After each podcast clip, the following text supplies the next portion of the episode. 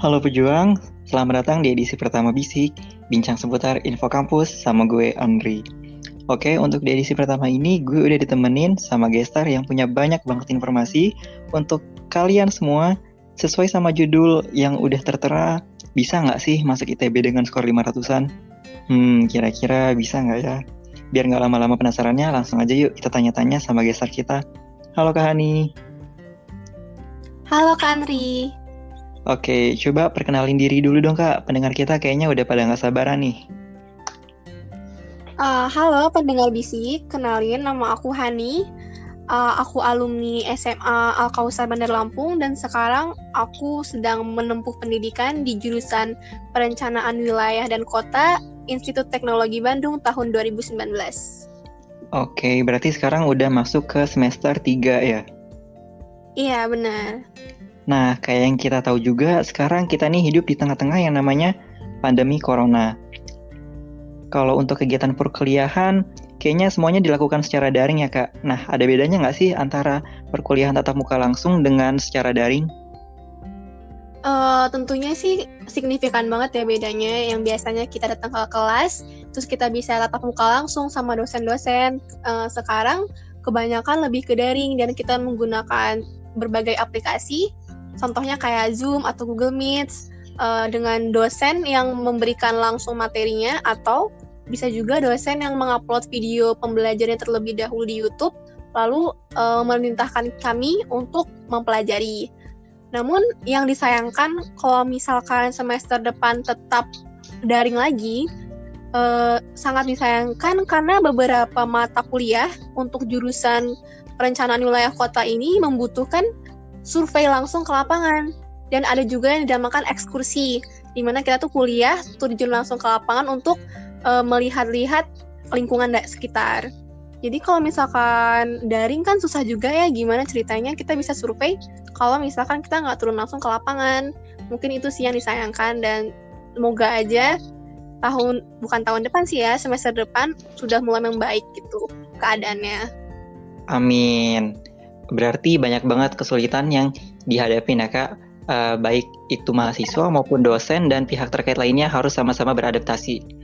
Nah, di luar sana nih kak, banyak banget nih pandangan ataupun stigma dari masyarakat kita tuh yang menganggap kalau masuk ITB susah. Terus kenapa sih Kak Hani pilih untuk masuk atau kuliah di ITB? Hmm, nah, jadi keinget dulu uh, aku kenal seorang kakak kelas kakak kelas ini dia sekarang juga di ITB terus dia juga yang ngasih tahu aku kosennya jangan pernah takut masuk ITB karena sebenarnya gampang masuk ITB aku awalnya juga skeptis ya, bisa nggak sih masuk ITB kayaknya susah deh.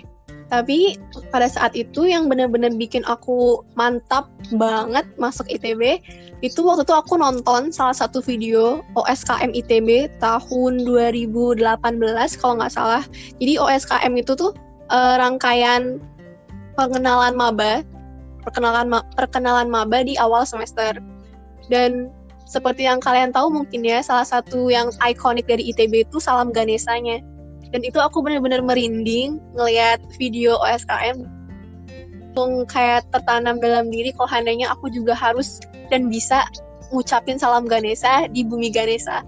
Nah, mungkin semenjak itu karena aku udah set goal saya aku udah nentuin tujuan aku aku harus masuk ITB untuk mengucapkan salam Ganesha makanya ya aku jadinya terpacu untuk terus belajar dan nggak nganggap lagi bahwa masuk ITB itu susah gitu. Karena buktinya aku aja bisa gitu lah masuk situ. Wah keren Kenapa banget pastinya kayak lain enggak? Iya. Hmm. terus ngomong-ngomong untuk Kahani sendiri masuk ITB lewat jalur apa sih Uh, kalau aku kemarin masuk lewat jalur SBMPTN. Hmm, SBMPTN ya, berarti pas banget nih sama tema kita untuk kali ini. Kan gue sendiri tahun kemarin kebetulan nggak ikut UTBK nih Han. Bisa cerita nggak kalau untuk UTBK hmm. tahun kemarin sistemnya kayak gimana sih? Kalau UTBK tahun lalu itu sistemnya kita uh, pertama daftar dulu kan ya. Setelah daftar kita bisa nyoba sampai dua kali.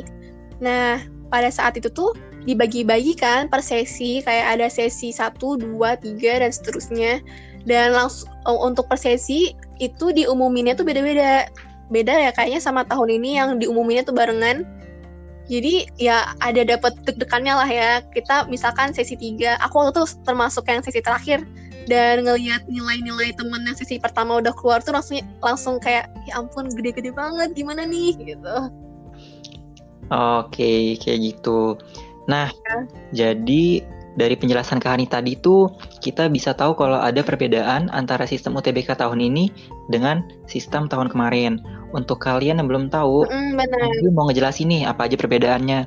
Yang pertama itu terletak pada jumlah sesi UTBK, di mana pada UTBK tahun 2019 terdapat 20 sesi, dan UTBK tahun 2020 jumlah sesinya berkurang menjadi 14 sesi saja nih, dan pelaksanaannya dalam satu minggu, yaitu uh, tanggal 5 sampai dengan 13 Juli. Terus yang kedua, uh, untuk setiap peserta hanya dapat melakukan ujian sekali saja, tidak seperti tahun kemarin yang bisa mengikuti dua kali UTBK. Nah, yang ketiga, kalian bisa memilih untuk mengikuti ujian campuran atau IPC. Tidak seperti tahun kemarin, kalian hanya bisa memilih salah satu antara Saintek ataupun Soshum. Yang keempat terletak pada segi pengumuman hasil UTBK di mana hasil UTBK tahun 2019 sudah bisa diketahui 10 hari setelah ujian dilaksanakan. Sedangkan untuk tahun 2020 nanti, semua nilai peserta dari semua sesi UTBK akan diumumkan serentak dalam satu hari yang sama. Nah, yang terakhir yaitu waktu pengerjaan soalnya, di mana untuk tahun 2019, peserta diberikan waktu pengerjaan selama 120 menit untuk TPS dan 90 menit untuk TKA.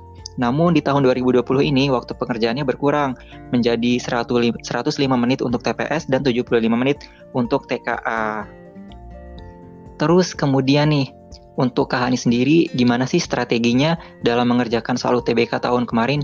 Bisa di-share nggak nih tips and tricksnya?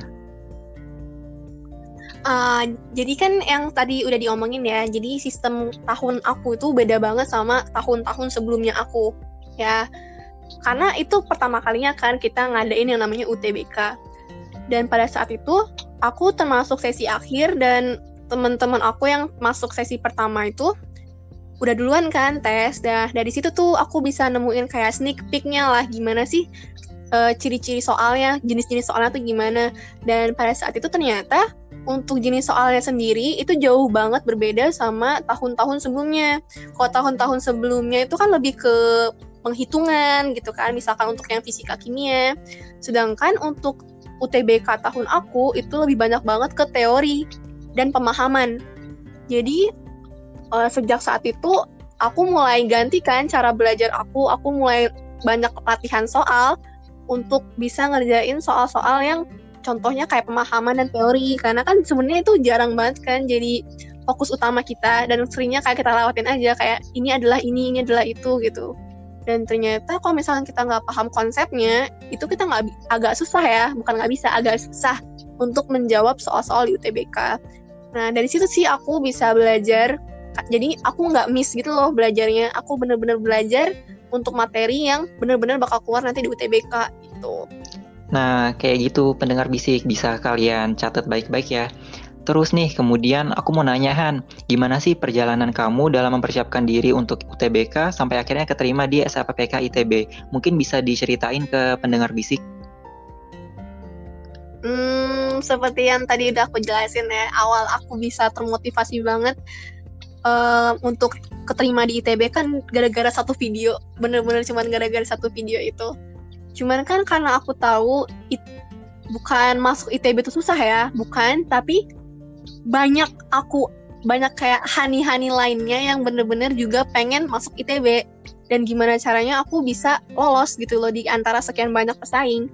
Uh, maka dari itu awal kan aku keterima ini ya kuota SNMPTN jadi pada saat SNMPTN itu aku pengen daftar ke sekolah arsitektur uh, sekolah arsitektur perencanaan pengembangan kebijakan yaitu SAPPK Cuman pada saat itu ada temen aku yang rankingnya di atas aku udah milih SAP, SAPPK duluan.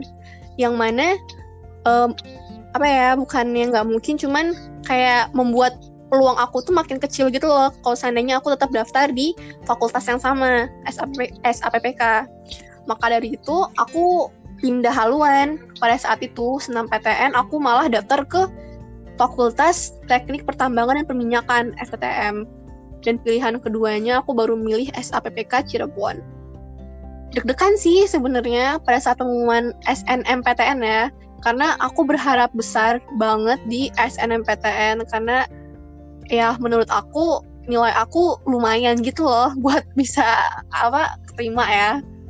Dan ya tapi ternyata Allah berkehendak lain pas pengumuman jejeng ada garis merah disuruh nyoba SBMPTN ya pada saat itu sih hancur sempet nangis. Cuman kalau misalkan aku terpuruk aja ya ITB bakal makin jauh dari aku gitu. Mulai dari situ mulai deh intens belajar untuk SBMPTN karena ya itu satu-satunya cara buat aku bisa tetap kuliah di ITB gitu. Tapi ada untungnya sih aku nggak keterima senam PTN kalau misalkan aku keterima SNMPTN mungkin aku nggak bakal bisa di jurusan aku yang sekarang yang bener-bener aku minati gitu dibandingkan kayak yang penting masuk ITB tapi ternyata jurusannya nggak sesuai sama aku gitu Wow, ada hikmahnya. Nah, kan dari tadi kita udah ngobrolin nih gimana ceritanya Kak Hani bisa keterima di SAPK ITB. Ngomong-ngomong, skor kakak Hani sendiri waktu UTBK tahun kemarin berapa sih? Bisa dikasih tahu nggak ke teman-teman di rumah? ini benar mau di spill nih Boleh dong. Eh, kalau aku kemarin kan ada dibagi dua ya nilai UTBK-nya ada TPS sama TKA. Untuk TPS, eh, nah aku tuh besar di TPS. Untuk TKA-nya aku jasoso lah ya rata-rata. Cuman ketika digabungin rata-rata aku tuh nyampe di angka 700-an lah ya, 700. Wah, lumayan besar dong ya. Terus kisaran Iya. nilai untuk keterima di ITB berapa sih, Kak? Ah, eh, bukan berarti karena aku 700-an keterima ITB terus batas minimumnya 700 bukan ya karena di ITB dengan nilai UTBK 500-an tuh bisa masuk loh. Bahkan ITB sendiri ngeluarin statementnya resmi pada saat tahun aku. Kalau misalkan range terbawah untuk minimum banget masuk ke ITB atau keterima ITB tuh di range 500-an jadi jangan minder dulu karena sebenarnya yang dibutuhin tuh tekad dan nekat gitu. Wah, tekad, Jangan pernah minder sama nilai UTBK kalian gitu. tekad dan nekat. Tuh, ada pesan dari Kak Hani. Iya, Jangan minder duluan sama nilai yang tekad kalian dan dapat. nekat. Berarti untuk Oh, pertanyaan banget. judul hari ini bisa nggak sih skor 500-an masuk ITB itu bisa dong ya kak?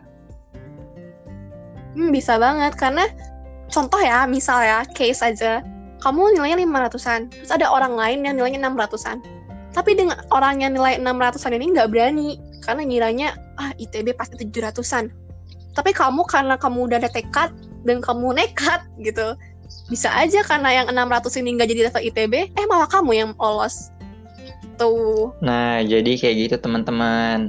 Karena pertanyaan di judul udah dijawab, terakhir aku mau nanya nih, ada pesan dan motivasi nggak kak buat para pendengar bisik? Terus semangat, jangan pantang menyerah. Kamu harus punya tekad dulu sebenarnya. Jangan ah yang penting kuliah, ah yang penting UI, ah yang penting UGM, ah yang penting ITB. Jangan. Benar-benar harus punya tekad yang kuat. Karena ketika nanti kamu lelah belajar dan kamu inget tekad, itu insya Allah bakal kembali termotivasi dan kembali bersemangat gitu. Jadi ketika nanti kamu sudah berusaha dengan sekuat tenaga, tekad, lalu kamu nekatin aja. Kalau seandainya emang bener-bener tujuan kamu misalnya psikologi UI atau apa ilmu hukum UGM gitu nekatin aja. Dan ketika hasilnya uh, jangan sampai ya hasilnya nggak sesuai harapan kamu tuh udah ngerasa puas gitu loh. Karena ya sudah aku udah berusaha yang terbaik. Beda kalau misalkan kamu udah berusaha tapi aduh daftar nggak ya daftar nggak ya daftar nggak ya eh ternyata kamu nggak daftar. Jadi ada kayak rasa nggak enak gitu loh kayak rasa eh, regret. Kayak apa sih namanya regret itu? Menyesal.